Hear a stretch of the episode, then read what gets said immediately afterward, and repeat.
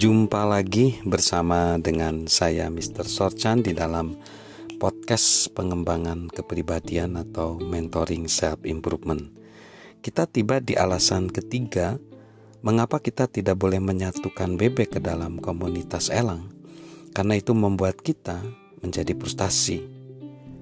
Pernahkah mungkin kita mengalami ya kalau yang sudah punya pengalaman di bidang kepemimpinan yaitu memimpin orang yang tidak pernah mau bangkit.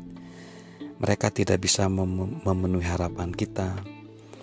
Kita udah memotivasi mereka, melatih mereka, memperlengkapi mereka dengan sumber daya, memberi mereka kesempatan, tetapi mereka memang tidak bisa benar-benar memenuhi harapan yang kita inginkan. Pasti itu bisa terjadi. Mungkin masalahnya seperti sajak dari ibu para bebek yang terkenal yang berbunyi begini. Kucing, kucing, di manakah kamu berada? Aku berada di London untuk mengunjungi ratu.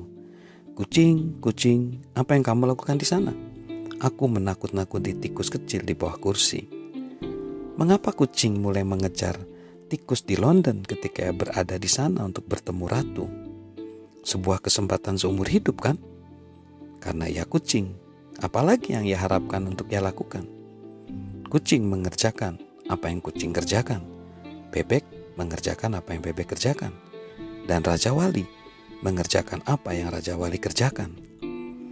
Jika kita membawa bebek dan memintanya mengerjakan pekerjaan Raja Wali, kita harus malu.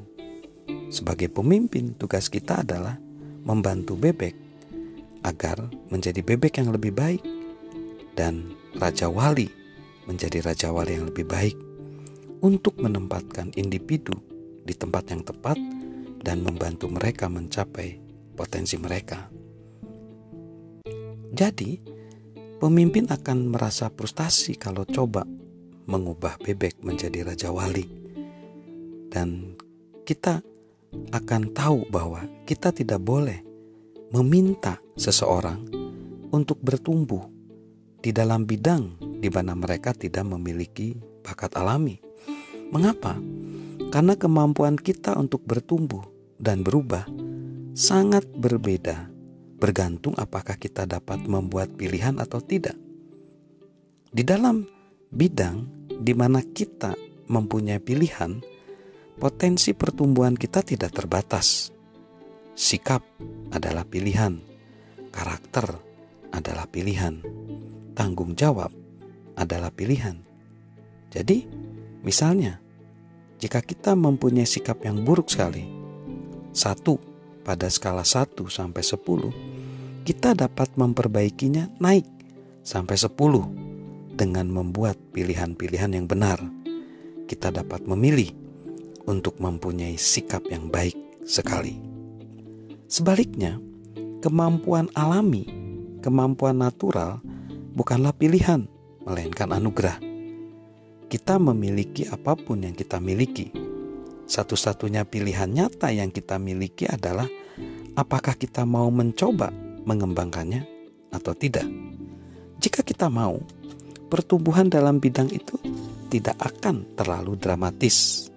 Sesudah melatih dan mementor orang selama puluhan-puluhan tahun, saya sebagai sebagai mentor mendapatkan bahwa orang dapat membaik hanya sekitar dua atau tiga angka saja dari sepuluh dalam bakat tertentu. Jadi, jika seseorang lahir dengan angka tiga di bidang tertentu, ia mungkin hanya bisa menjadi lima atau enam.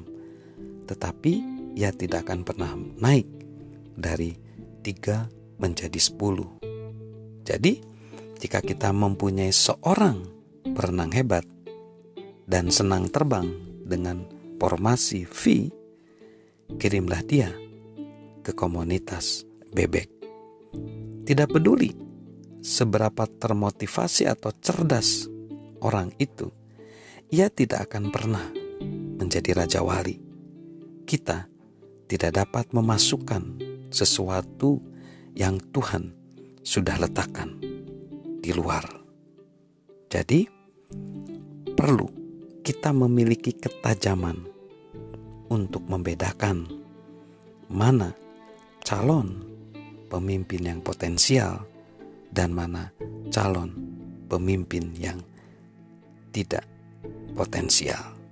Jadi pada im, pada intinya jangan kita kembangkan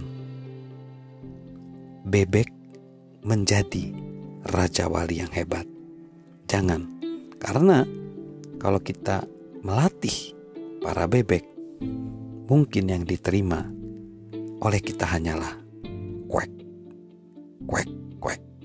Karena mereka tidak bisa berubah menjadi sang raja wali yang mengbumbung tinggi.